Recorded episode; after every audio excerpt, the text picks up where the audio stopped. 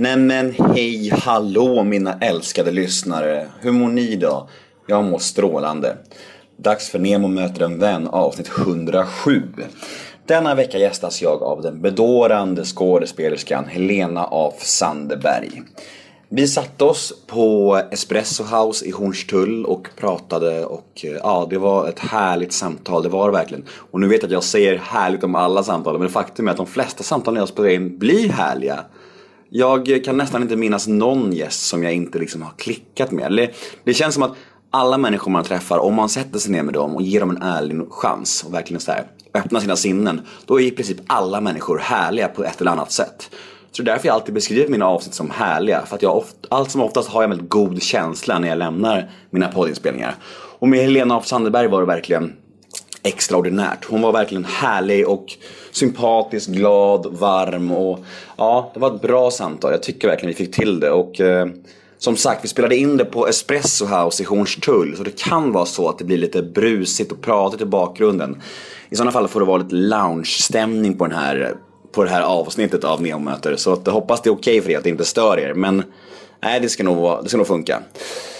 Mitt namn är Nemo Hedén på Twitter och Instagram. Hashtaggen är NEMOMÖTER. In och gilla oss på Facebook, Nemo möter en vän. Har ni några förfrågningar, eh, synpunkter, feedback på podden eller vad som helst, önskemål, skicka det till nemohedén gmail.com. Men nog om mig. Dags för Nemo möter en vän, avsnitt 107. Som vanligt i samarbete med Radioplay. Gäst Helena af Sandeberg. Rulla gingen. Nemo är en kändis, den största som vi har. Nu ska han snacka med en kändis och göra honom glad. Yeah! Det är Nemo fullkomligt är en kändis, den största som vi har. Nu ska Det är han helt snacka otroligt. med en kändis och göra honom glad. Välkommen till Neomöte, Helena af Sandeberg. Tack så mycket. Hur är läget? Det är bra. Ja. Ja. Vi är dina homehoods, eller? Ja, det här är mina hoods. Hornstull. Älskar Hornstull. Ja, är du söder? Ja, är, Du är född i Solna, inte? Ja, född i Solna, uppvuxen i Rotebro, så Mm. norr om stan. Eh, sen tog jag en omväg via New York, Mm. där jag bodde i fyra år. Och sen hamnade jag på Söder. Sen hade jag en liten stint i Vasastan. Nej, söder är bättre. Söder är och bättre. sen kom jag tillbaks till... Ja, här hade jag inte bott, bott då, men nu har jag bott i Hornstull i många år.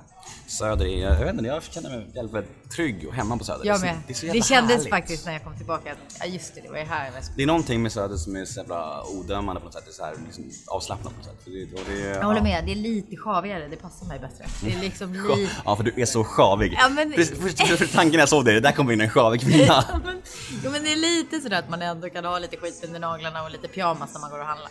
Jag hade ju så här, jag skrev, la upp, jag brukar lägga upp på Instagram så här, vilka jag ska träffa så, så Ja. var det en kompis med mig som frågade så här.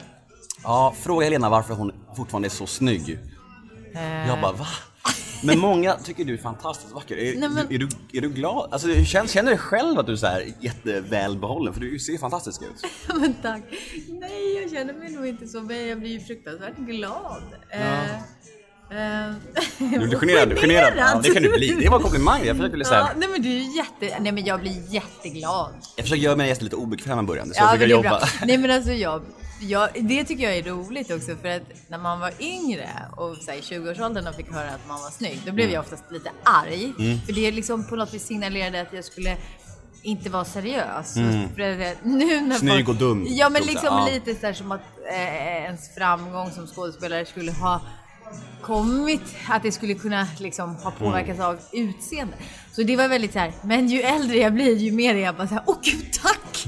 En roll, tack! Nej, nej inte så, inte en roll, mer såhär, du tycker jag är söt. Ja, ja. Åh vad glad jag blir. Ja, men- Ja, för nu känner jag mig ganska säker eller trygg på att jag kan något. Ja. Jag är efter så många år.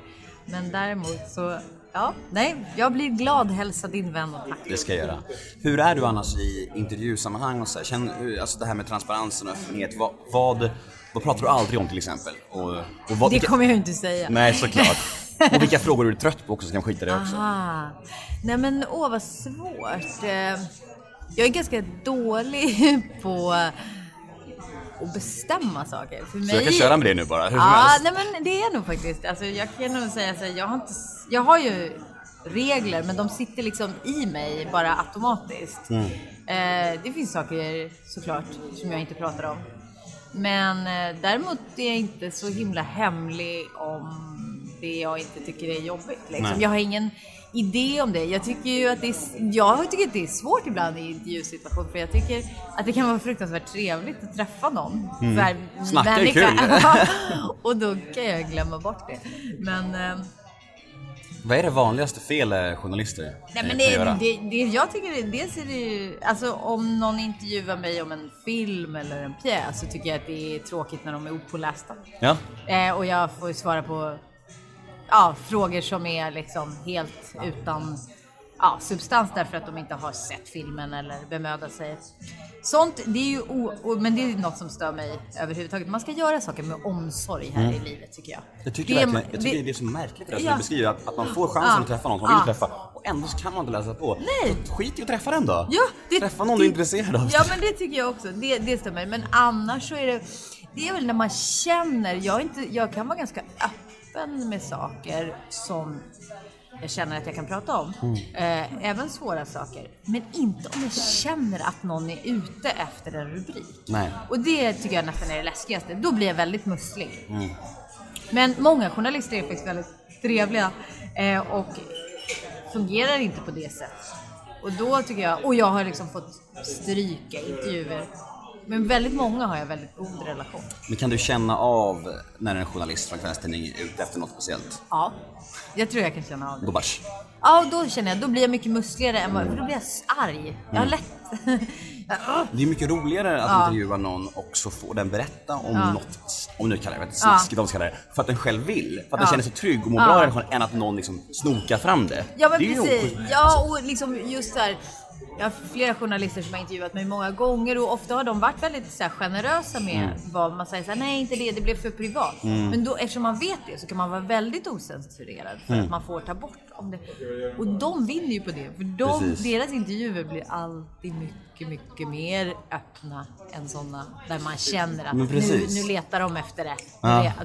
Men de gånger jag har fått eh, artiklar eller löpsedlar på den här podden, det är ju när, när det varit en bra intervju där gästerna känns så trygg att den vill Ja. öppna sig liksom. Ja. Det är ju mycket finare.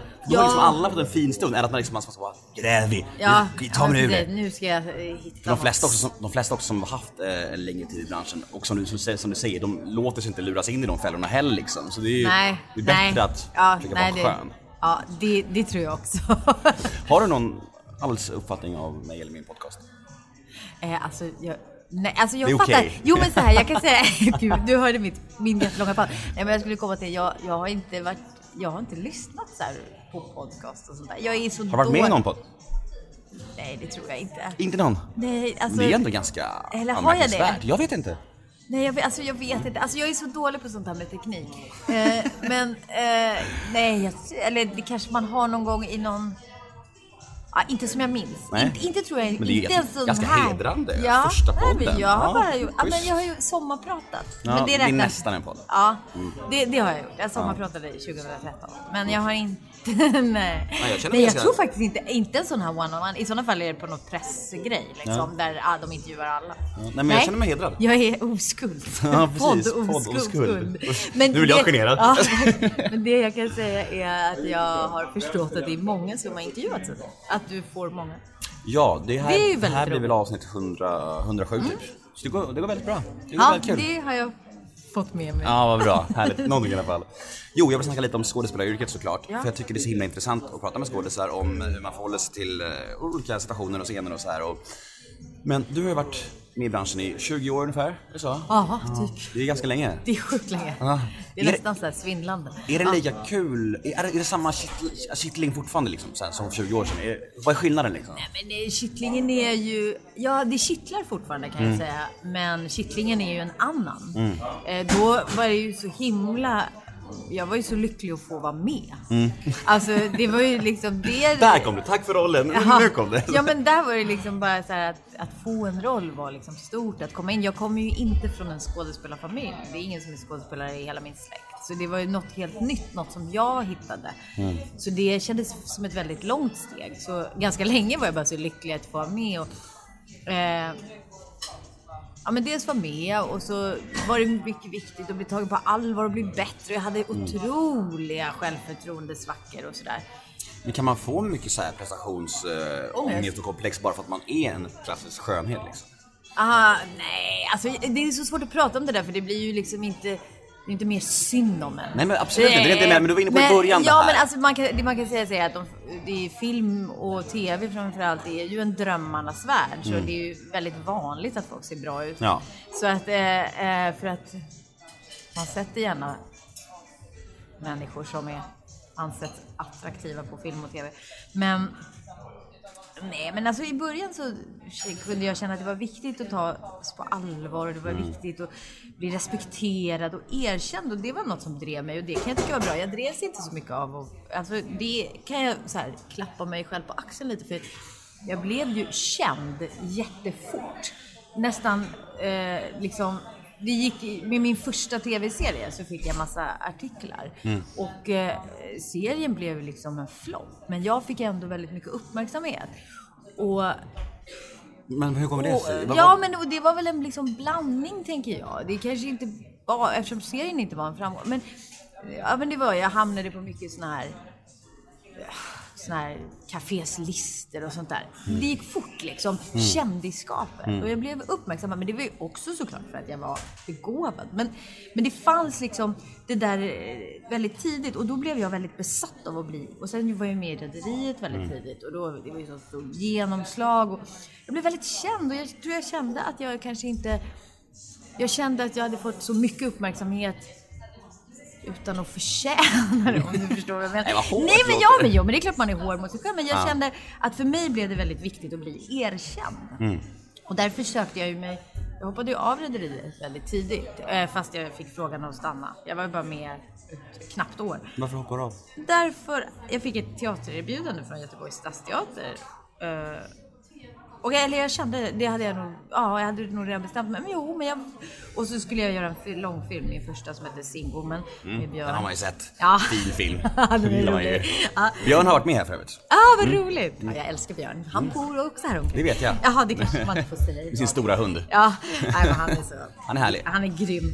Eh, nej, men, men framförallt så valde jag faktiskt teatern. Eh, för jag kände att jag ville in på en institutionsteater eftersom jag inte har gått scenskolan utan jag gick min utbildning i New York så kände jag att det var något att erövra och Lite utbildning efter Ja, och jag vet att många tyckte att det var ett väldigt konstigt val. Det hade så stor eh, film och tv-uppmärksamhet just då. Men det känns som att det blev rätt. Med Och- facit i hand. Ja, med facit i hand. Jag kände, och sen så när jag, jag skulle vilja säga, ja, det kom ju successivt. Jag gjorde mer film och mer teater. Och, men jag fick ju ett väldigt stort erkännande när jag gjorde Hedda Gabler eh, 2007. Men jag, jag hade gjort stora grejer innan, men på teatern fick jag ett väldigt stort, jag fick fantastiska recensioner och blev väldigt stort. Och Hedda Gabler är en av de stora klassiska rollerna. Och ja, jag kände liksom att det var dit jag längtade. Men det här snabba kändisskapet som du pratar om i Rederiet och det här när det verkligen poff slog Mm. upp- uppmärksamhet trots att det inte var så framgångsrikt. Den andra scenen som inte var så Ja. framgångsrik, du- ändå du får mycket uppmärksamhet. Ja. Hur tacklade du det? Snabbt kändisskap och liksom så intensivt. Tycker du att det var, Nej, det var det- kul bara eller var det lite så Nej, här? men det var ju det jag inte liksom, det var ju det jag, jag upptäckte ganska snabbt att det inte var det jag längtade efter. Ja. Det var inte det som drev mig. Då hade jag ju gjort på ett helt annat sätt. Ja. Jag hade gjort helt andra val, för jag hade ganska många andra valmöjligheter då. Eh, Det fanns val, det fanns. Ja, men, Förfråg- förfrågningar, ja, men det fanns. Ibland gör det ju inte det och Ja. det har verkligen gått upp och ner. Men just då gjorde det det och Mm. då valde jag ändå att göra en pjäs på Göteborgs stadsteater när jag fick en fråga. Mm. Det var liksom mitt val och långsiktigt så tycker jag att det var rätt. Men det Mm. var många som, och jag är glad att jag gjorde så. Men det är också så här, man längtar efter olika saker. Mm. Men jag upptäckte ganska tidigt, apropå den där kittlingen som du frågade, det inte var det där kändisskapet som drev. Som du- som du ville åt? Nej, Nej. jag ville bli erkänd. Det var viktigt för mig. Eh, och nu så måste jag säga att det som kittlar mest för mig är att vara i roliga och spännande sammanhang. Jag älskar mitt jobb. Jag kan inte, det gör jag fortfarande. Så här högt. Jag tycker om att gestalta andra människor. Jag älskar skådespeleri. Jag älskar en briljant regissör. Herregud. Som har, alltså, som har tankar som sätter igång saker i mig. Och, ja, men det är liksom, det är det. Just nu jobbar jag med två tv-serier och en pjäs. Och där jag har så jävla spännande. Det är tre olika karaktärer. De är så Mm, det där går jag igång på. Och det upptäckte jag längs vägen. Hade jag inte fått det här kändisskapet ganska lätt, som jag faktiskt fick väldigt fort, då kanske jag hade längtat mer efter det. Jag kan förstå att man längtar efter det, eh, om man drömmer om den här branschen. Men eftersom det kom rätt lätt till mig, så insåg jag att det var inte det jag längtade efter. Sen är det klart att jag blir skitglad när jag får beröm och folk säger att jag är världsbäst. Eh, men det, det måste, kan man inte sticka under stol Det blir väl alla? Ja, Ja. ja, men det blir man liksom. Även om man säger något annat.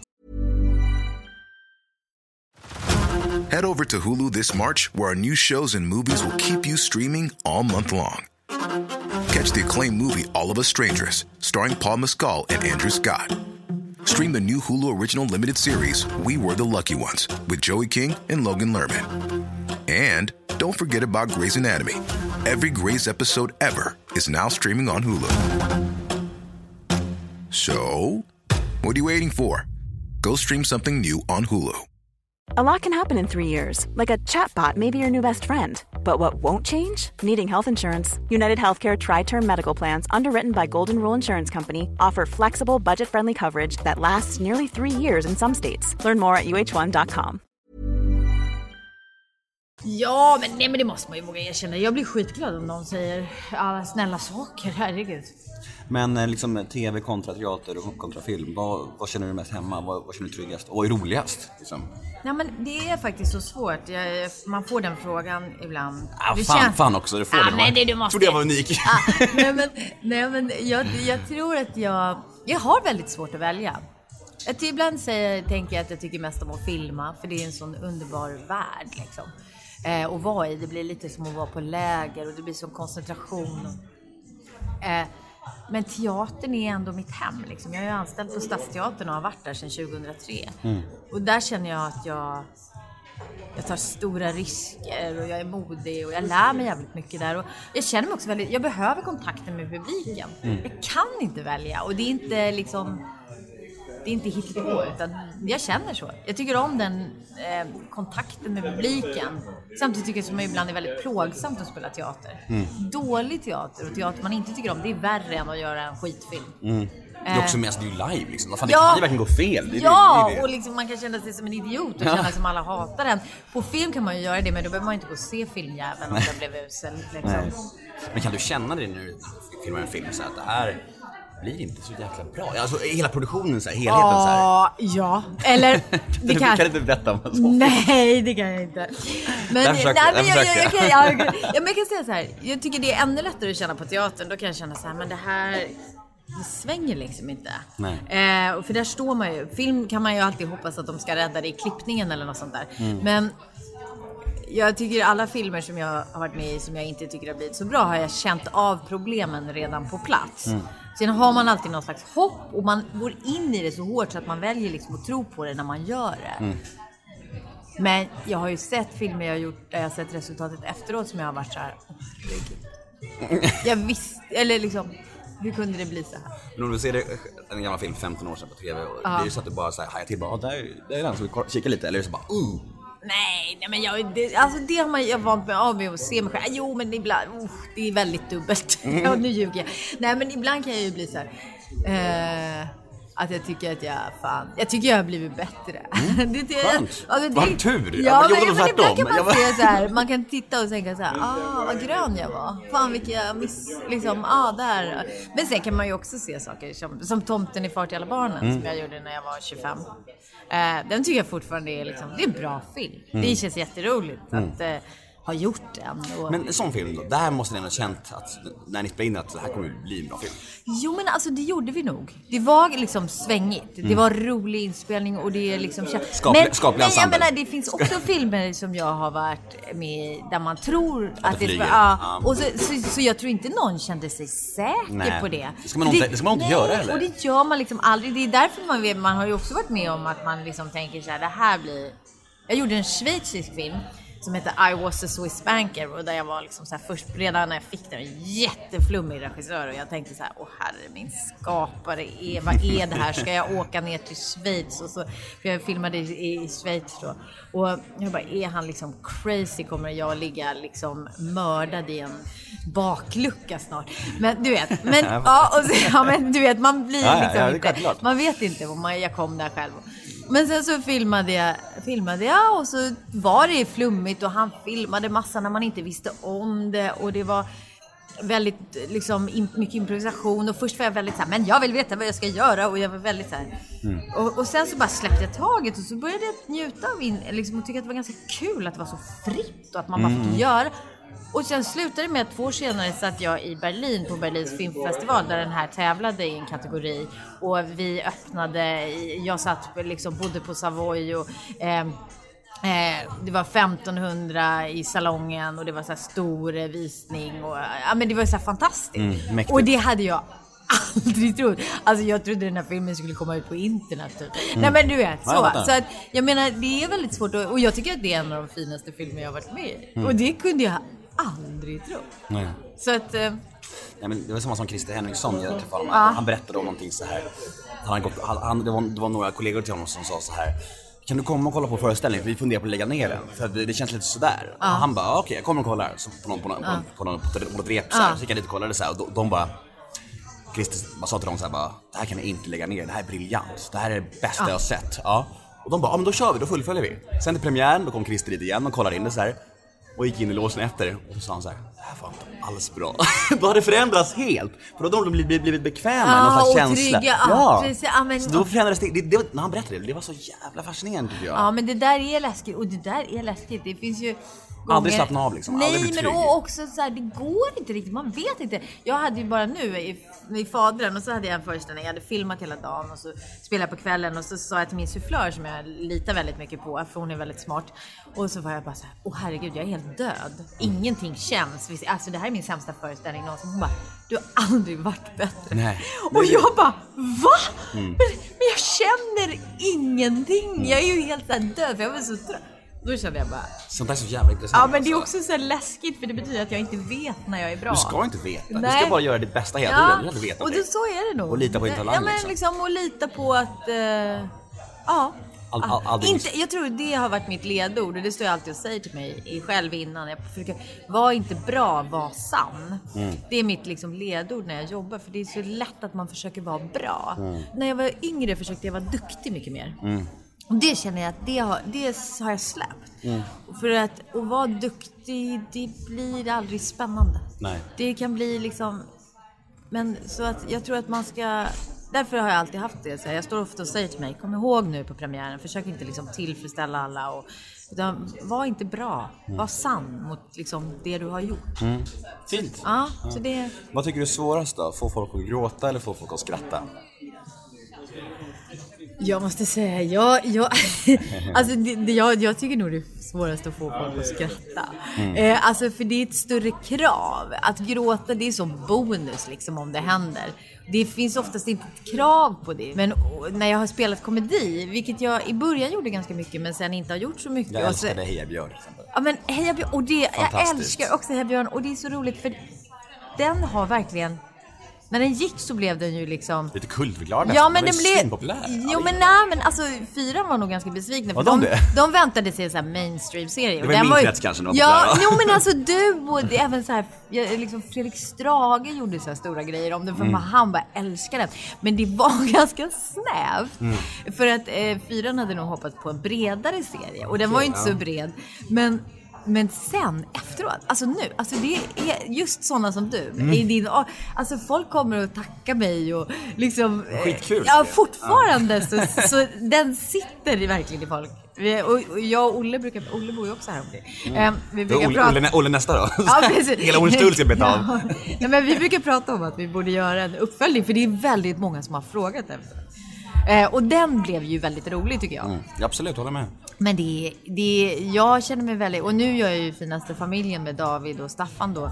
Eh, som vi har gjort en säsong och jag har precis filmat klart säsong två som kommer i vår. Eh, och det är också komedi. det jag känner att det har varit mycket tårar och ångest för mig under många år. Så jag är lite grönare, men det är väldigt roligt att jobba med komedi igen. Fett. Ja. Vet du, mm, jag tänker så här, det här med att bli regisserad. Alltså, om du har varit med i bran- branschen i 20 år, sa. Ja. Alltså, kan, om du säger att du gör en scen och du säger att det här satt, det här var riktigt bra och regissören bara, fast det här var inte så bra. Kan inte det vara lite frustrerande när man ändå Jo. rut- men, Jo, extremt! Ja, men ändå har rut- rutin som du har, liksom. Ja, jo men det kan vara extremt. Och ibland har de ju fel. Det beror ju fan på vem regissören är. Alltså det tycker jag nästan är något jag har lärt mig under åren. Det gäller att lita på rätt regissörer. men kan du börja, tjafsa om det? Kan det bli liksom där... Ja, kan jag nog. eh, fast eh, jag, jag, liksom, jag, jag kan ju känna så här. Nej men fast eh, om jag, om jag säger så här. Om jag känner så här, där satt den och så är de inte nöjda. Då kan jag bli så här. Fan. Kan du säga det också? Ja, eh, åh gud. Ja, det skulle jag nog. Men med de bra regissörerna eh, skulle jag nog säga det. Mm. Eh, men eh, det är andra gånger när de kan ha känt att, att där satt den och jag kan ha känt, det är nog vanligare att jag säger då nej, jag tycker inte den satt. Kan jag Mm. få en till? Kan jag be om då? För att jag vill liksom prova något annat. Mm. Men sen är det svårt och man ha, jag har också, och det tror jag man har i den här branschen, en medvetenhet om att man inte alltid vet när man är som bäst. Nej. Men det är ju en väldigt jobbig känsla av att... Men däremot, jag tror inte jag är... Jag är ganska orädd med regissörer numera och säga vad jag tycker och om jag vill göra igen eller... Eh, det tycker jag är det bästa med att ha blivit äldre i branschen. Jag är inte lika mån om att vara till lags. Jag var det. Jag var en jätteduktig flicka i början. Jag var väldigt så här, för jag var så glad att få vara med. Så jag ville liksom... Ja men så jag ville liksom tillfredsställa. Nej, Och om fattar. någon sa att jag var duktig så var jag glad. Då var det, nu är jag mer så här, mm, fast, och ibland måste jag säga att jag har rätt. Det har jag upptäckt ibland när jag har sagt så här, men det här är fel val, jag skulle inte vilja göra Och så ser man filmen sen och så tänker jag bara, ja, du skulle ha litat på mig din idiot. eh, för att jag, för jag menar man har ju mycket erfarenhet för det här laget. Så ibland har jag fan rätt. Men sen finns det ju också reg- regissörer som är fullkomligt fantastiska och med dem har jag hittat liksom saker som inte jag trodde jag hade i mig. Vem är den bästa du jobbat med, tycker du? Kan man säga Åh, det? nej, man kan inte säga bästa, men jag kan ju säga några som har varit viktiga för mig. Alltså först och främst så är det ju min ex-make, Alexander Mörk Eidem, som jag jobbade med på teatern. Eh, mycket. Och han är ju en av Nordens stora teaterregissörer idag. Det var, han var ju mer ung och lovande när vi träffade. Eh, men han har präglat min sätt att se på teater väldigt mycket. Han har varit otroligt viktig. Han är fantastisk.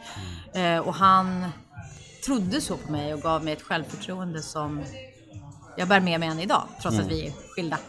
Eh, och eh, ja, han lärde mig mycket om skådespeleri. Och sen på film, åh det finns många men åh, det, ja, det är så olika. Men samarbetet med Jesper Gansland som jag hade i Blondie betydde också väldigt mycket för mig. Då var jag i ett helt annat läge. Jag var mycket mer erfaren än när jag träffade Alexander. Men vi jobbade på ett sätt som var roligt. Jag kände att jag pushade mina gränser mycket med honom och jag pushade... Eh, ja, han, han letade efter saker i mig som också var långt bortom det duktiga. Han, jag tycker ibland att han förlöste vansinnet inom mig. Tyvärr har det inte gått att pusha in det. Poetiskt. Ja men, ja, men jag tycker faktiskt att han gjorde det. Han, liksom, han var liksom ute efter någon grej i mig. Och det tycker jag att vi... Ja, det var väldigt roligt samarbete tycker jag. Hur bra tycker du att du själv är då? Alltså kan man, kan man ranka sig själv? Man, kan, kan, kan man säga att det här, jag är ju fan riktigt bra, eller jag är topp fem eller så här, jag är bara medelmåtta. Nej men jag vet väl inte? Åh gud, nej det vågar man inte ens tänka Nå, tro mig, några kan det. Är det sant? Ja gud, Aha, fan, skåd, många ja. skådisar är ju Är supernarcissister. de män? Såklart de är. Vad otippat. Eh, nej, men nej gud, det kan inte jag säga. Och jag tycker också det är så svårt att ranka. Och dessutom är ju det, det kommer man inte ifrån, att det är ju smak. För även om eh, det finns ett gäng manliga skådespelare i Sverige som tycker att de är bäst, så tycker inte alla att de är bäst. Nej. Och så är det bara, och det är ju till och med alla med kunskap tycker inte att de är bäst. Det är väldigt, liksom, men jag håller inte, liksom, det kan man det, det är ett av skälen till att jag valde skådespeleri, tror jag, och teater. För att jag var ju då, nu kommer jag tillbaka till det igen, extremt duktig flicka. Jag hade så här jättebra betyg i skolan, högpresterande var Fin liksom familj också. Nej, alltså det är mer, eh, det är namnet som är förleder dig. som, eh, ja, jag är, jag är helt vanlig förortsfamilj, mamma mm, lärare, pappa ekonom, eh, rotan. Man tror att det ska vara en fin Ja, jag vet, men Ja, det är liksom förrädiskt. Okej, det är bara, och det finns inga liksom slott eller någonting. Det är bara ett jävla inga slott? Inga slott eller någonting. Vi känner inte kungen. Allt är bara så här. Ja, grott- väldigt grott. medelklassigt måste man säga. Men, men jo, vad jag skulle säga var att vad fan var jag på? Nu glömde jag bort. Vad pratade vi om? Vi pratade om att... Eh, Pratade väl om och, jo, just Jo, men det var därför jag valde det. Jag var så himla duktig och liksom... Jag var så himla så här... Så tyckte jag så mycket om det här med skådespeleriet. Det var så fritt. Det, går inte, det är inte som... Jag vet att hade jag satsat på höjdhopp då hade jag varit liksom besatt av att knäcka 2,10. Mm. Men liksom, höjd, liksom skådespeleri, vissa tycker Robert De Niro är världsbäst, vissa tycker Meryl Streep, men någon annan älskar Naomi Watts. Mm. Liksom. Alltså, det, det, det går inte riktigt. Man Det kan är ju, subjektivt, liksom. Ja, det är subjektivt. Och det tycker jag om. För det ger också mig liksom lugnet att inte försöka vara bra, utan försöka vara sann. Försöka vara dig själv och, Ja, och de som försöka gillar dig liksom- gillar dig liksom. Ja, precis. Och att liksom inte hålla på. Och sen tycker jag att det är så otroligt... I, vissa skådespelare tycker jag kan vara fantastiska i rätt sammanhang och sen... Ja. Men sen kan man ju uppnå... Meryl Streeps kvaliteter är ju odiskutabla. Man behöver ju inte älska henne ändå, men man kan, det gör ju i och för sig jag. Men ja, det är svårt att inte älska Meryl. Men, men, men liksom... Ja men just här, och där kan jag ju känna att jag, jag, jag jobbar hela tiden på att försöka bli bättre på de bitarna liksom. Jag tycker att idag är jag ju sjukt mycket bättre med textbearbetning, allt det tekniska. Jag är ju te- jätteteknisk när jag kan filma. Jag kan stå på märken och hitta dem och allt. Alltså allt det kan man ju förkovra sig i, både på teatern. Och sen det andra handlar ju om att hela tiden bara våga gå djupare och liksom Men vad kan du, ranka sig själv är svårt att fatta, men andra i Sverige? Har du någon favorit som tycker, du tycker att de bästa manliga bästa kvinnliga i Sverige? Jag kan inte säga bästa, men jag kan ju säga Någon några... du djupt respekterar då? Om man säger, Ja. vi ändrar på det fint. Ja, ändra på det lite fint. Eh, nej men... Eh, Cool fact a crocodile can't stick out its tongue. Also, you can get health insurance for a month or just under a year in some states. United Healthcare short term insurance plans, underwritten by Golden Rule Insurance Company, offer flexible, budget friendly coverage for you. Learn more at uh1.com.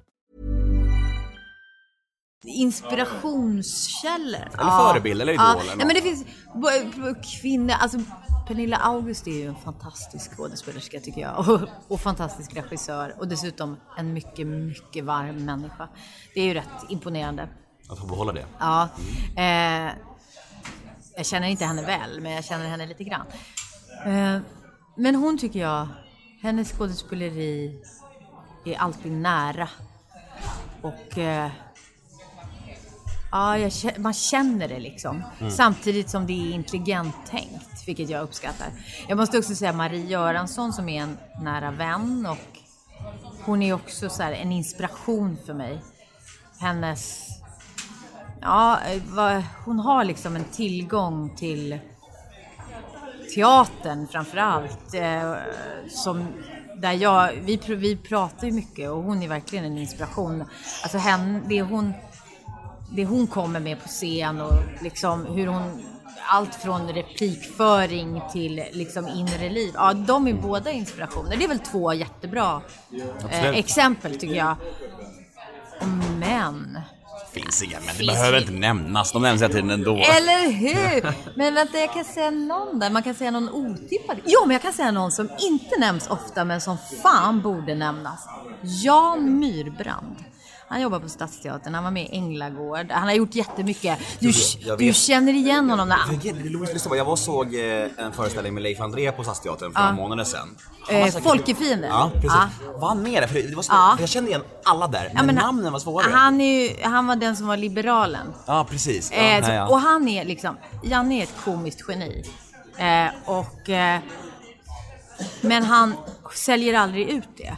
Och jag har spelat jättemånga gånger på, med teat, på teatern med Janne och han har ju filmat jättemycket. Mm. Men han, det skrivs inte så mycket om honom. Och han är liksom utan tvekan en av Sveriges roligaste Eh, och samtidigt har sån otrolig tillgång till allt sårigt och aldrig använder komiken för mycket. Men ingen kan få mig att skratta på scen nästan så mycket som Janne. Det var så märkligt när jag såg den här Folkfienden med Leif André. Du vet att det var Alexander, han som jag pratade om, som har regisserat den? Var det var det? Ja. Det visste jag inte. Nej. Men jag gillade den väldigt mycket Ja. och jag gillar Leif väldigt mycket. Och han har varit Leif med här är också. också underbar. Han har varit med här två, två gånger Leif. med. Ja. Ja. han är fantastisk. Han hoppade i, jag körde min livepodd eh, avsnitt 100 häromdagen. Ah. Och en av huvudgästerna hoppade av med en timme kvar. Då ringer jag Leif, hoppar han in med en timmes varsel. Ja, men han är Fantastisk ja, alltså. han är underbar. Jag tänkte på grejen när jag såg den föreställningen var att Alltså jag har ganska bra koll på offentliga människor, kändisar Ja. i Sverige så här. Jag, jag kände igen alla på scenen men jag kunde bara nämna Leif André. Ja. Liksom. Det var märkligt. Men Ja. alla andra var så här bekanta liksom Ja. ändå. Nej men, ja. Ja, Och många begåvade skådisar var det. och det finns det faktiskt många. Men, och de, de vill man höja. Och Janne Myhrbrand är en väldigt bra sån. Han, Vad intressant att det var ditt ex som hade regisserat ja, han är... Cirkeln slut liksom. Ja, eller hur? Ja, Du vet. Och han bor också i Hornstull. Ja, då tar han någon gång också. Jag kan bara hänga i Hornstull. Ja, Sitta här i mitt lilla hörn. Och bara, bara plocka dem när de Ja, kommer kom- in här en Kom in, kom in, kom in, kom in. Jo, jag tänkte prata lite om mödraskap. Ja, Du är moder. jag är Till mor. två. Till två barn. Mm, och jag eh, ska faktiskt bli farsa. Första gången. Nej men gud vad stort. Förlåt men det är så stort. Mm. Och grejen är att ingen vet det just nu, men när det här släpps då kommer alla veta jag det. bara, ingen vet just nu. Nej, ingen vet det här nu, Ja. men det, när, det här, Men när det här hur släpps långt då- gånget är det då? Får man fråga Det är inte så långt, det är bara, det är bara ett, eh, 12-13 veckor. Ja men då är det ju ändå och över det värsta. Ja, precis. Men vi, eh, när det här sänds då kommer det vara ute liksom. Så, här, så det, jag vill fråga lite om, om, jag är ju såklart ganska nervös och skärrad. Det och så. förstår jag. Eh, hur, hur, alltså det är ditt mödraskap, hur, för- hur förändrade det dig och var det som du trodde?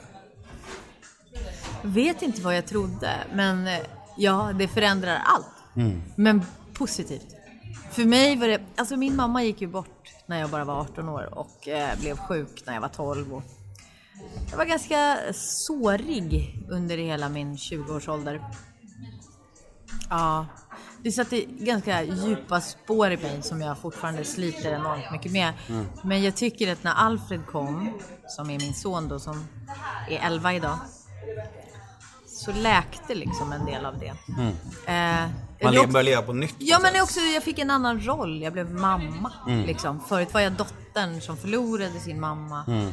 Men, men sen är det liksom den kärleken. Den, jo för jag kan också känna att jag hade liksom blivit ganska hård. För att jag var så rädd att det skulle göra sådär ont igen. Mm. Det var ganska svårt att släppa in folk ett tag. För att jag ville aldrig förlora någon som jag hade gjort med min mamma. Det smärtade så mycket. Men när Alfred kom så bara rev han upp hjärtat. För det går inte att stå emot. Nej. Kärleken är, alltså Gud, jag, jag kan avundas att du får uppleva det. Är det så? I, ja, men det är så, det är så, det är så knäckande stort. Det går, men det, gick Det går så snabbt. Det går så, Nej, men du- och, och det gick så himla snabbt. Det här också att, att beslutet att först från att behålla det till glädje att du ska behålla det till oro. Det, så där, Jag vet. det bara slog över jo, så den snabbt. kan jag säga, den blir helvetisk om du är lite oroligt lagd som jag. Så, så kan jag säga att det är ju det mest det är ju stor lycka men det är också en stor oro över är att eh, fan, världen är ju ett farligt jävla ställe. Ja, Och så släppa, länge- släppa taget, lita på sin kapacitet, Ja. förmåga och lita på att man är lämpad för det. Så här, du vet, Jag blir så här, fan, hur ska jag klara det här? Och min uppväxt var så jävla kaos. Ska jag, jag måste göra det bättre och du vet, så här, Ja. det vet, man blir så här, Älska mycket. Ja. Det tror jag är det viktigaste. Det sa min terapeut till mig. Att det, det enda som, och det här var ju vuxna barn, Mm. alltså om sina, liksom, om folk som går i terapi. Det svåraste att lösa är folk som inte var älskade av sina föräldrar och det, att det liksom är uttalat. Mm. För att allt annat som man orsakar sina barn, för jag tänker ofta på vad mina barn kommer gå i terapi för, för liksom vad jag har gjort för Mm. fel. Men, men, men, men det som är svårt att lösa är om kärleken är, inte finns där. Mm. Det är svårt att förklara till och med för vuxna barn att din mamma älskade inte dig. nej. Alltså det går knappt att Det är förstå, så ta intressant in. för jag går just nu faktiskt en, en relationskurs Ja. eh, där man pratar mycket om så här, anknytning och första åren i livet Ja. och hur viktigt det Ja, är att man det får är verkligen- kärlek och så här. Och om man inte får kärlek eller, eller, uppmärksamhet eller allt det som behövs första en, två, tre åren då är man skadad för livet liksom. Ja, men det har är jag faktiskt också hört. spännande alltså. Ja, och, och som du sa, lite läskigt. För det vet jag, jag fick också höra det efter liksom, att efter Alfred var så här, att just de första åren är så sjukt grundläggande, liksom Verkligen. viktiga för vad som För det sätter alla rädslor, all Ja. oro, all trygghet, allt sätter det. Och för resten av livet. Och sen måste man, visst man kan vända det sen, men då måste du jobba så extremt mycket mer Ja. liksom. Så en, en, två, tre första åren är extremt, extremt viktiga. Ja. Var det Eh, tre? Ja, Tre första? ja. Ja. två och ett halvt tror jag. Så det, du har nog gjort ett bra jobb tror jag. Men det ska jag i alla fall göra. Det ska bli fokus på de åren. Sen när jag, när jag har haft mitt unge i två år, då ska jag bara lära bort det. Nej, för då blir det ju bra. Då Då, då kommer inte han ha några problem av det för Ja, han har precis. knutit an så fint. Men du var inne på att du slår din mamma ganska tidig ålder, när du var 18, 20 och så. 18. Ditt förhållande till döden då, blir... Jag tänker så här, om man får egna barn, att man blir väldigt medveten om sin egen... Alltså att livet är ändligt på något sätt. Att liksom man blir, man får lämna sig fokus på sig själv och det går över till barnen liksom. Då blir barnen det viktigaste. Hur är din relation till, till döden liksom? Hur, vad tänker, är du rädd för döden och sådär? Tänker Ja. du ofta på det? Ja, jag är rädd för döden. Ja, och jag tänker mycket på döden. Jag är inte så rädd kanske för själva döden, vad det ska innebära. Ehm, jag är rädd för att inte få vara med. Eh, alltså min mamma var ju i min ålder när hon dog. Liksom. Hon var i 40-årsåldern. Och eh, hon blev sjuk när hon var 38. Eh, jag tänker mycket på det nu eftersom jag är liksom i samma ålder och inser att gud, hon var ju så ung. För det var lite Verkligen. svårare att förstå när man var liten, hur ung hon var. Eh, eftersom hon var ändå min mamma och det är liksom så här. Jag tänkte på det liksom bara i häromdagen. Att, gud, hon, hon kände sig så här. Och så skulle hon dö. Hur fan? Liksom. Men, ehm, jo, men och det har satt enorma spår i mig. Så jag tänker mycket på, jag har ganska mycket ångest och tankar kring det här. Och, ehm, men också har det ju konstigt nog gett mig gåvor. Jag är ju väldigt bra på att uppskatta de fantastiska ögonblicken i livet. Jag är bra på att göra det jag vill och inte tro att livet varar för evigt. Jag är, jag är bra på att njuta av ögonblicken. Fint. För att, och det är för att mamma dog. För jag har varit medveten sedan jag var så liten om att livet, jag kan minnas när jag var 12 när de kom in och sa mamma har cancer. Att, aha, okej, livet är skitfarligt, man kan dö när som helst. Eh, Men det där är så intressant för att jag, jag håller helt med om det där. Jag tror att ibland kan jag vara tacksam över att jag har varit med om mycket skit i livet. Ja. För då får det mig, det, alltså Ja. perspektiv liksom. Man uppskattar saker mycket mer. Har du bara haft det gött liksom, då kan du liksom aldrig uppskatta när du har det gött. Nej men För det då tror är det jag, normen liksom. Mm. det, det, det, det är gåvan man får och haft det tufft. Ja. Det tror jag faktiskt du har helt, jag tror du har jätterätt i det. Ja. Eh, och det Har ni det jag- jobbigt där ute så var tacksamma för Ja, det. För när det, kommer, när det blir bra, då blir det riktigt jävla bra. Ja, men och då, ja och, och just det där att man faktiskt kämpar för att få det bra. Mm. För man kanske inte tänker, jag vet ju många som har haft det då liksom så här halvtaskigt och bara går och har det halvtaskigt. Mm. Så är inte jag. För att jag tänker ju inte så här, ja men jag kommer ju ändå kunna få det bra när jag är 60. Men jag vet ju inte om jag lever. Alltså man Nej. vet ingenting. Och det är jag väldigt medveten Det om. där är så intressant också, att folk bara är kvar i halvtaskiga Ja. saker, halvtaskiga relationer, Ja. jobb och bara accepterar Ja. det bara, ja men det är så här det ska vara.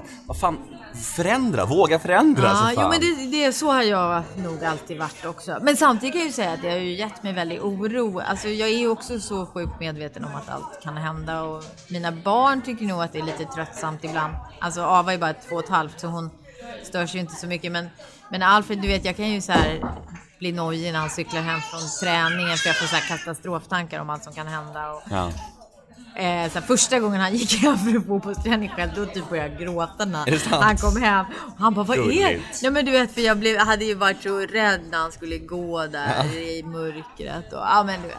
Så att eh, det, det, jag, jag är ju orosfylld och det är ju... Men hitta en balans där, det är det viktiga, Ja, viktiga liksom. Det är inte så lätt tycker jag. Nej, det är en livslång process. Det är ja, väl det är väldigt bra sagt. Det är en livslång process. Jag har kämpat 20 år nu. Det går fortfarande upp och ner om man säger så. Det här med offentligheten då, du har varit offentlig människa i ungefär 20 år Ja. och hur är ditt förhållande till, offentligheten och kändisvärlden och så här? Tycker du att det är bara kul att bli igenkänd och ta selfies med folk eller kan det också vara jobbigt eller hur ställer du inför det? Eller är det bara väldigt nor- din norm nu idag? Du tänker inte ens på det längre? Ja, jag tänker väldigt lite på det. Det tror jag du har rätt i. Eh, Reager- jag- Reagerar du om någon, om någon känner igen dig? Kolla på det. Eh, nej, alltså jag är väldigt bra på att bubbla in mig. Jag åker ju tunnelbana och sådana grejer. Inte vid fredag och lördagskvällar när folk är fulla. Nej. För att då kan det vara lite jobbigare. Eh, men jag är väldigt bra på att liksom jag går så... Jag är väldigt mycket en drömmare. Jag Mm. går mycket i mina egna fantasier så jag märker inte. Ibland går folk bredvid mig och säger så här, ser du vad, vad de kollar? Jag Mm. bara, va? Nej. Jag har nästan aldrig någon... Eh, men när folk kommer fram, då är det så här, de flesta som kommer fram är ju väldigt snälla. Annars går man ju inte fram. Mm. Nej. De som tycker jag är dålig, de kommer ju inte fram till mig. De skulle komma fram på krogen då kan man Ja, Mm. och därför är jag lite mer försiktig då. eh. Men det som kan vara jobbigt tycker jag, det är nu när mitt barn börjar bli stort. Eh, det har jag varit med om. Alltså mest att eh, media liksom. Jag gjorde ju då, ja men det kanske var en podd. Per Lernström hade ju en sån här mini-talkshow. Jag tror att det var en YouTube-grej, var inte det? Ja, precis. ja just det. Du ser. Mm. Det var- ja, men, det- det var också alltså, video, jag är ju inte ett tekniskt geni som du förstår. För jag bara, det där kanske var en podd. Men det var ju... Vad hette det nu? Det hette typ så här... Eh, hur, hur blev det så här? Hur blev det så här? Ja, det, det var en videogrej, Ja. de filmades. Ja, eller? de filmade. Det här är bara prat. Jaha. Ingen kamera vad jag ser. Vi får se. Ka- sen kanske. Känns ju som att jag känns väldigt smart nu. Eh, men... Eh, Vi klipper det. ja, bra, gör det. Nej men i alla fall, och då gjorde jag en och då pratade jag lite om hur det var. Eh, min man är ju också skådespelare liksom och hur han tyckte om när jag gjorde kärleksscener och lite sånt. Och vi skrattade väldigt mycket när vi pratade om det och vi pratade om hur hans fru skulle, alltså sådär. Sen så gjorde Expressen, satte de upp en ledsen bild på mig. Jag såg det, jag googlade innan det. Jag brukar alltid googla mina, ja, mina och så gäster var det så här, ja, men det var bara det. Och jag hade inte tänkt på det, men nu är min son 11 år och han satt och googlade på tunnelbanan något om Zlatan. Eh, liksom. Mm. Och eh, så såg han det här. Han blev jätteledsen. Han trodde vi hade jättedåligt. Mm. Och du vet att jag skulle, hade sagt det i tidningen. Du vet, och då när jag försökte förklara för honom så här. Det har inte jag varit med om. Förut var han ganska ointresserad av hela mitt. Han trodde ju ofta när det var så här affischer på mig på stan att jag hade satt upp dem för att han inte skulle sakna mig när jag var på jobbet. Fint. Eh, ja, väldigt så här positivt. Men, men nu är han ju stor liksom. Och då märker jag att det var liksom jobbigt för han blev verkligen ledsen. Han trodde, och jag fick jag förklara att jag har inte ens pratat med Expressen. Utan det här är då klipp från ett och så fick jag visa honom. Titta, här skrattar jag när jag säger så här. Ja, han tycker inte om när jag gör kärleksscener på film. Jag tycker inte om när han hånglar med någon på... Alltså du Nej, vet, nej, så. Och det... Det är klart, då tyckte jag så här, åh, fan vad jobbigt liksom. Mm. Det är klart, och så här, när man skiljer sig, det är inget kul. Alltså, såklart, det jobbiga med offentlighet är när man inte mår bra. Mm. När jag känner mig så här on top of the wor- world och har sminkat mig och allt sånt där, då är det liksom, då känns det inte så jobbigt. Jag såg ditt ex förresten på Söder när jag gick på... Vilket i, av dem? Jag visste du skulle säga så. Iglaj. Ja, okej. Jag Han traskar ofta runt, det är ju Nytorget där. Ja, men han, han bor ju... Ja, röker han? Han rökte i alla fall igår. Igel? Ja. Det visste inte jag. Ah, Här okej. kommer fram skvaller. Ja. Skvaller i podden. Här har vi löpsedeln. Iglaj kär i röker. Svag löpsedel. Svag. Jättesvag löpsedel faktiskt. Men, men om du, om du och en kompis ska ut och äta säger vi. Ja. Och hon inte får bord på restaurangen. Kan det vara så att du bara, äh, jag ringer dem och så bara, ja det är jag, Helena af Sandberg. Kan jag fixa ett bord? De bara, okej om det är du kommer, då löser vi det. Nyttjar du ditt namn för bord och sånt där, tror du? Jag tycker inte det är något att skämmas Nej för om men du jag, gör det. jag försöker tänka, alltså jag går ju ut så jävla sällan. Jag jobbar så svinmycket nu. Eh, nej, jag tror inte jag gör det så ofta. Ibland har jag så här kompisar skickat fram mig när vi ska komma in någonstans. Spybar. Ja, typ sådär. Ja. Eh, Head over to Hulu this March, where our new shows and movies will keep you streaming all month long. Catch the acclaimed movie All of Us Strangers, starring Paul Mescal and Andrew Scott. Stream the new Hulu original limited series We Were the Lucky Ones with Joey King and Logan Lerman. And don't forget about Grey's Anatomy. Every Grey's episode ever is now streaming on Hulu. So, what are you waiting for? Go stream something new on Hulu. det, det har väl hänt. Men det är ganska lite, men det är väldigt lite uteliv på den här Men när var du riktigt, riktigt packad senast? Alltså det var ju så länge sedan. Alltså jag var ganska så här vild och sturm och drangig under perioder i mitt liv. Men det var ganska länge sedan nu. Alltså jag har ju en två och ett halvt åring. Du kommer att förstå det här sen. Men Eh. gud, snacka mig. Jag är helt, jag är nykterist. Sen, Ja, sen nej. 14 månader tillbaka. Ja, så- ja, ja men bra. Nej men det är liksom, jag har, det har i- inte sen innan jag mötte henne. Äh, Vad har du för förhållande till alkohol och droger? Alltså rent livssätt. Alltså jag tycker ju om vin. Ja. Eh, jag tycker inte om sprit. Vad har jag för förhållande till det? Jag tror jag har ett ganska normalt förhållande till alkohol och droger. Eh, droger har jag inte så mycket förhållande till. Eh, jag såg ju mycket droger när jag var, bodde i New York när jag var yngre. Ja, nej, nej, men det enda man kan säga är att jag kunde känna ett tag att alkohol, jag insåg ganska snabbt att alkohol kan vara farligt, speciellt om man mår lite dåligt. Eh, men där tycker jag ålder sätter in. Jag menar när man var så här 20-årsåldern, då kunde man ju säga om man mådde dåligt gå ut och dricka massa vin. Ja. Det kan inte jag längre. Nej. Nu får jag liksom göra ett jävla yogapass eller något sånt där för att må bra. Alltså det, det är som att det dåligmåendet sätter sig mycket mer i kroppen när man blir äldre. Så jag måste sköta mig mycket mer. Det märker jag. Alltså nu, jag har ju då tre jobb. Jag filmar två tv-serier och spelar. I vanliga fall hade jag liksom kunnat gå ut och festa liksom, när jag var yngre. Men Mm. nu har jag ju då en två och ett halvt år, nu har inte sovit på två år. Ehm, och då, alltså jag sköter mig ju. Jag dricker ingenting. Eh, jag Duktig. tränar. Ja, är skittråkig. Tränar du mycket? Nej, jo men just nu gör jag det. Jag tränar ganska mycket yoga. Jag kom, jag kom från PT nyss. Äh, som Nej, men jag tränar inte så. Jag, jag är ju väldigt mycket periodare. Men jag menar, jag vill inte heller låta så här för jag har absolut tagit ibland haft väldigt roligt med alkohol och varit vild och galen. Men det är inte nu. Eh, men jag tycker, jag tycker det finns en sägen om alkohol. Eller sägen? Men jag kan säga, jag har bott i New York. Punkt. Precis. Let's just leave it there. Let's just leave it there. Jag har ett segment i min podcast. Det här är inte bra att ungen skriker känner jag. Jag förstår. Och det är Men två stycken. ja, det får bli som det Vi blir. får ta det som ett tema på din, din Precis. framtida roll. Ja, det kommer ju alltid vara babyskrik nu. Ja, men det kommer inte vara när jag spelar in. Den får inte vara med då, tyvärr. Jag har ett segment som heter ett ord om i min podcast. Ah, som går ut på att jag säger fem offentliga människor i Sverige. Du ska säga det första ordet som kommer i ditt huvud när du Ah. hör det namnet. Vad spännande. Mm, ett ord bara. Ja. Alex Schulman. Arg. Kall. Arg. Arg sa jag. Okej, Marcus Birro. Korkad. Sara Larsson. Och svårt att hitta ett ord på henne. Vänta. Eh, möjligheter. Jimmy Åkesson. Farlig. Leif GW Persson. Briljant. Bra svar. Gå vidare till, till veckans brev som lyder Hej Helena, du verkar så genuint god. Berätta om något riktigt jävligt eller elakt du har gjort. Mm. Bra, det fråga. Skitbra men svårt. Fan jag hoppas verkligen inte jag har gjort något riktigt Kanske jävla... varit otrogen. Det kommer jag bara Ohyfsad. Ja vadå, det, det, det är ju mänskligt. Vi har de flesta varit med. Jo, jo, men är det elakt? Där Ja, tror- det är ganska elakt. Jo men det är elakt, det är sant. Det är elakt men det händer ju ofta för ett skäl. Det är ju jätteelakt. Nej men det, det kan man väl säga. Jag har ju svikit folk. Det har man ju gjort. Mm. Otrohet är ju en sån grej. Det finns ju massa former av svek. Mm. Ehm, men jag hoppas faktiskt, jag tror inte jag gör saker och är uttänkt elak. Nej. Det kan bli elaka konsekvenser som till exempel otrohet och eh, ja, men andra svek man gör mot vänner, man glömmer att ringa. Alltså det, det finns massa saker man kan göra. Men jag, jag tror inte jag drivs av att vara jävlig mot folk. Det tror jag faktiskt inte. Bra. Det hedrar dig. Ja. Eller då, är- då är jag dålig självkännedom. Men... Verkligen. Du verkar som en snäll kvinna. Ja, vad bra. Nej, men jag, det tycker jag, det ska vi prata om. Alltså, snällhet är så underskattat.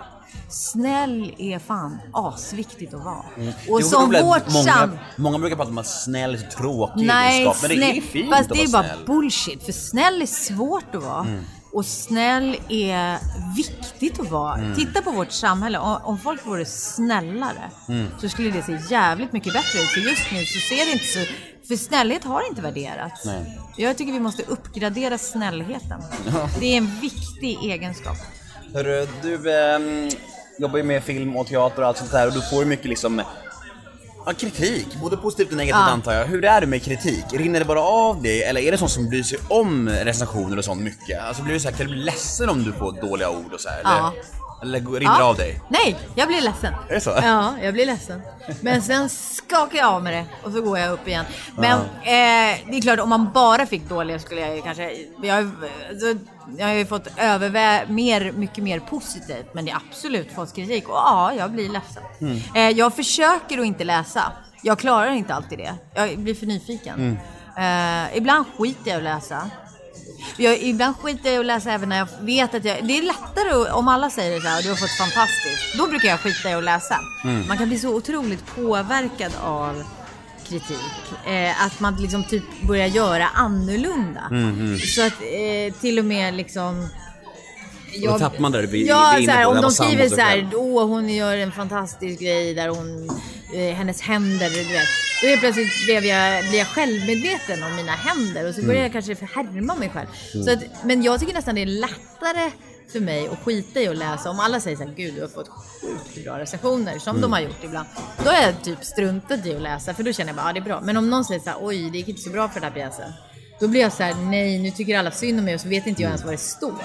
Så att då har jag Men om man börjar låta, låta sig påverkas, som du är inne på, då förlorar man det här vi snackade om i början. Det här Ja. med att vara sann mot sig själv. Ja, liksom. jo men precis. Och där, där är det ju, alltså det är ju lättare med film, för där är ju arbetet klart. Så där kan man ju läsa och typ och jag menar, ibland har de rätt. Jag vet, jag träffade någon journalist som sågade en film jag var med i. Han sågade inte mig, ska jag säga, men han sågade filmen. Så träffade jag honom och så skrattade jag och så sa jag bara, eller han bara gud, för då skämdes han lite för han tyckte liksom att han hade skrivit, han hade skrivit upp mig förut väldigt mycket.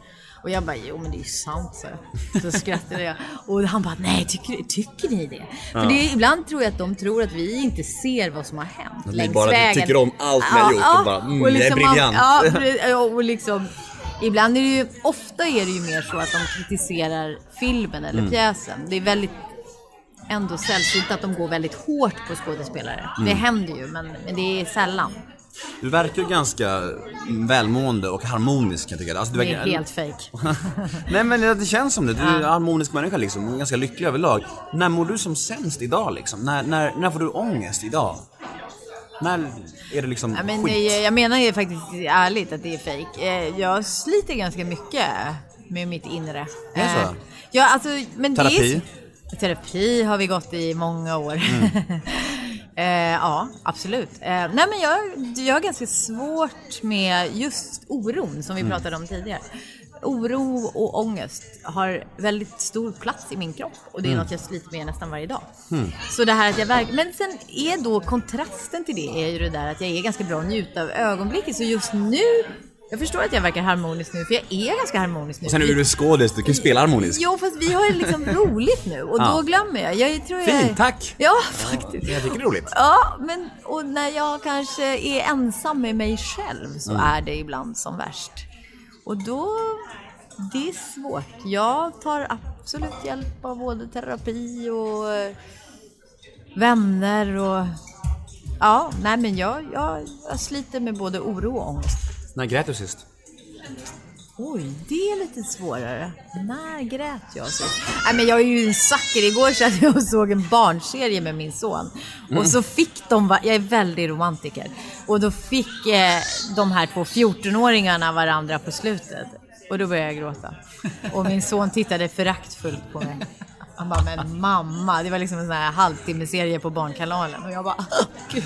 Hörru, personliga misslyckanden, saker du ångrar. Har du några så här projekt eller filmer, någonting i livet som känner så här, fan i helvete gjorde jag det där för? Det där. Eller något framträdande, någon, någon guest appearance som bara bedrövligt, som du skäms över. Och det finns ju mycket. Något Men- på, på rak arm liksom. Ja men eh, Så ska det låta var jag med i. Mm, det blev inget bra alls eller? Skojar du? Jag måste se den bara Nej det. måste du verkligen inte. Tips till alla lyssnare, kolla på Helena af Sandebergs Ja, men jag har faktiskt berättat om det i mitt sommarprat. För det var ju en stor chock. De lurade ju mig att man inte behövde sjunga. Alltså jag fattar inte. Du kan jag... inte sjunga alls eller? Jo, jag kan sjunga, men liksom att man inte behövde sjunga själv. Att man bara skulle gissa Jaha, och sådär. det var ju liksom länge sedan. Men det hade ju gått, men jag tittade ju inte så mycket på det. Eh, och jag tror jag typ tyckte det var roligt. Men jag fick så känslan att du sjunger ganska bra, gör inte det? Nej, jag sjunger ju helt okej, men inte Ja. bra. Men jag är jätteblyg på det. Jag skulle våga inte sjunga själv. Och jag blev ännu blygare. Min syster sa lite snällt att jag såg ut som ett rå, rådjur i strålkastarsken hela tiden, för jag såg så rädd ut. eh, och liksom, jag sjöng ingenting. Och jag kommer ihåg att Peter Harrison, för det var på hans tid. Back sa- in the days, the good old days. Ja, mm, inte så good det året. Jag är den, den gången jag var med. Nej, men alltså min mormor hade drömt om att jag skulle vara med Så skulle det låta. Och hon kunde inte ens säga efteråt så här, vad bra du var. Jag var ju Gud, väldigt tyst. Ångest. Ja, hon var så här, ja. ja, nej, jag var lite med för hennes skull. Men det passade inte mig. Jag är inte så showig. Jag tyckte Nej. inte alls... Jag gick inte upp sådär och showade. Jag Som alla lite- gör. Nej, Dansar jag bara satt och bara- fastfrusen. Och så här, Alla såg- bara Helena, ställ upp! Du bara nej. Ja, men, och jag kunde ju inga texter heller. Det var ju också helt... För jag hade inte fattat, alltså det är ju inte alls så spontant som Visst de är det inte det? Mycket Nej, regisserat, Men ja. jag fattade inte det. De skrev så här, skicka in 12 låt, eller 20 låtar som du, du kan. Ah, Jaha, shit vad uppgjort. Ja, men dum i huvudet jag då trodde att det betydde så här, som du kan gissa. Så här, Tre Mm. stycken. Då kunde jag typ första tre raderna på alla de låtarna. Och sen när, när vi kom dit då, så säger de så här, Helena vad, vad ska du köra? Jag bara, vadå köra? Jag ska gissa. Jag fattar ingenting. Alltså, Hade, hade du sett programmet innan? Jo men jag tänkte att man inte behövde liksom att det var så här valfritt. Men och sen var det bara, alltså jag hade sån panik. Jag hade sån panik, det var hemskt. Det var verkligen hemskt. Ni vet vad jag ska göra ikväll. Nej, du Jo. får inte titta på det. Hörru, drömmar och framtid. Eh, vad... eh, Du, får, ju- du verkar ha ganska mycket frihet, du får ju ha en omväxling med tv, teater, film. Alltså, Ja. du, och, och du liksom... Ja, mycket du får göra, mycket kul liksom. Men vad, har du några riktiga drömmar kvar som du vill uppnå? Skriva en bok eller vad som helst, jag vet inte. Något projekt som du Nej, men verkligen jag vill skulle vilja få till? göra ett projekt. Jag skulle vilja göra, alltså antingen på film eller tv, en sån här fet lead där jag har Eh, där jag får vara lite kreativt involverad. Jag har ju varit i närheten som den här, nu filmar jag ju Den döende detektiven av Leif GW Persson eh, med manus av Sara Helt. Och de har ju, eftersom vi har gjort två framgångsrika, En pilgrims död och Den fjärde man, så är de ganska men de har frågat oss mycket. Och det är ju väldigt roligt. Och jag känner att jag gärna skulle vilja vara kreativt in- involverad men också göra en stor fet jävla huvudroll i någon så här serie. Jag skulle vilja typ ha en egen serie som är min. Eh, eller, och det, där tycker jag till exempel min eh, väninna Alexandra Rappaport är har varit sån inspiration i att hon har gjort den här Gåsmamman där hon faktiskt är medproducent och har drivit hela projektet. Mm, Lite mer sånt skulle jag vilja våga göra och inte bli vald hela tiden. Man blir så väldigt vald hela tiden. Men utan man, jag skulle vilja bli lite mer drivande själv. Annars är jag ju väldigt nöjd med mina roller. Men ja, komma in tidigare, det längtar jag efter. Vart ser man dig framöver annars då? Nu? Ja, dels kan du se mig på teatern i Fadren och snart i en Ibsen-pjäs med premiär i februari. Ehm, sen kan du se Finaste familjen i februari. Ja. När komediserie eh, med mig och David Helenius i huvudrollen. Och, eh, David ska ju vara med här också. Är det sant? Mm, och Messiah har varit med. Jaha, men gud. Oh, de är ju ljuvliga. Många av dina vänner har varit med här. Ja, men de det är väldigt, väldigt roligt att, att jobba med Finaste familjen. Ja. Och humor och... Ja, men jag tror andra säsongen som vi nu är klara med. Blir bättre tror du? Ja, den, det jag tror att det blir ett lyft liksom. Mm. För att eh, en första säsong på komedi är alltid så här trevande. Mm. Och nu liksom känns det som vi har tagit det. Ja, det är väldigt, väldigt Grymt. roligt. Ja. Och sen eh, kan du se Den döende detektiven, men det är inte först nästa jul. Det är en miniserie, sån här julspecial då, som jag håller på att filma nu. Mm. Sen kommer det säkert annat, men det orkar vi inte prata om. Eh, och sen privat hoppas jag bara att få vara lycklig så många stunder jag kan. Eh, vara mycket med mina barn, jobba mycket, älska mycket. Om man vill nå Helena af Sanderberg på sociala medier, finns det någonstans då? Inst- Ja, jag har Instagram. Vad heter du där? Eh, ja, med Helena af Sanderberg som ett ord. Och där är alla välkomna. På Facebook, som en del kontaktar mig, där har jag bara mina vänner. Och Så- mig nu kanske också. Ja, men du är Jag typ blir en vän nu. Ja, Ja, men det är vänner och kollegor, så det, du räknas. Ja, men inte folk jag inte känner. Nej, jag förstår. Så att alla Men vet Insta- det. Instagram och Instagram är det bara in och följa och jag svarar och jag är glad. Vad härligt. För alla kommentarer. Jag heter eh, Nemo Hedén på Twitter och Instagram. Hashtaggen är NEMOMÖTER och in och gilla oss på Facebook, Nemo möter en vän. Och jag säger tack till ett väldigt härligt samtal med Helena af Sanderberg.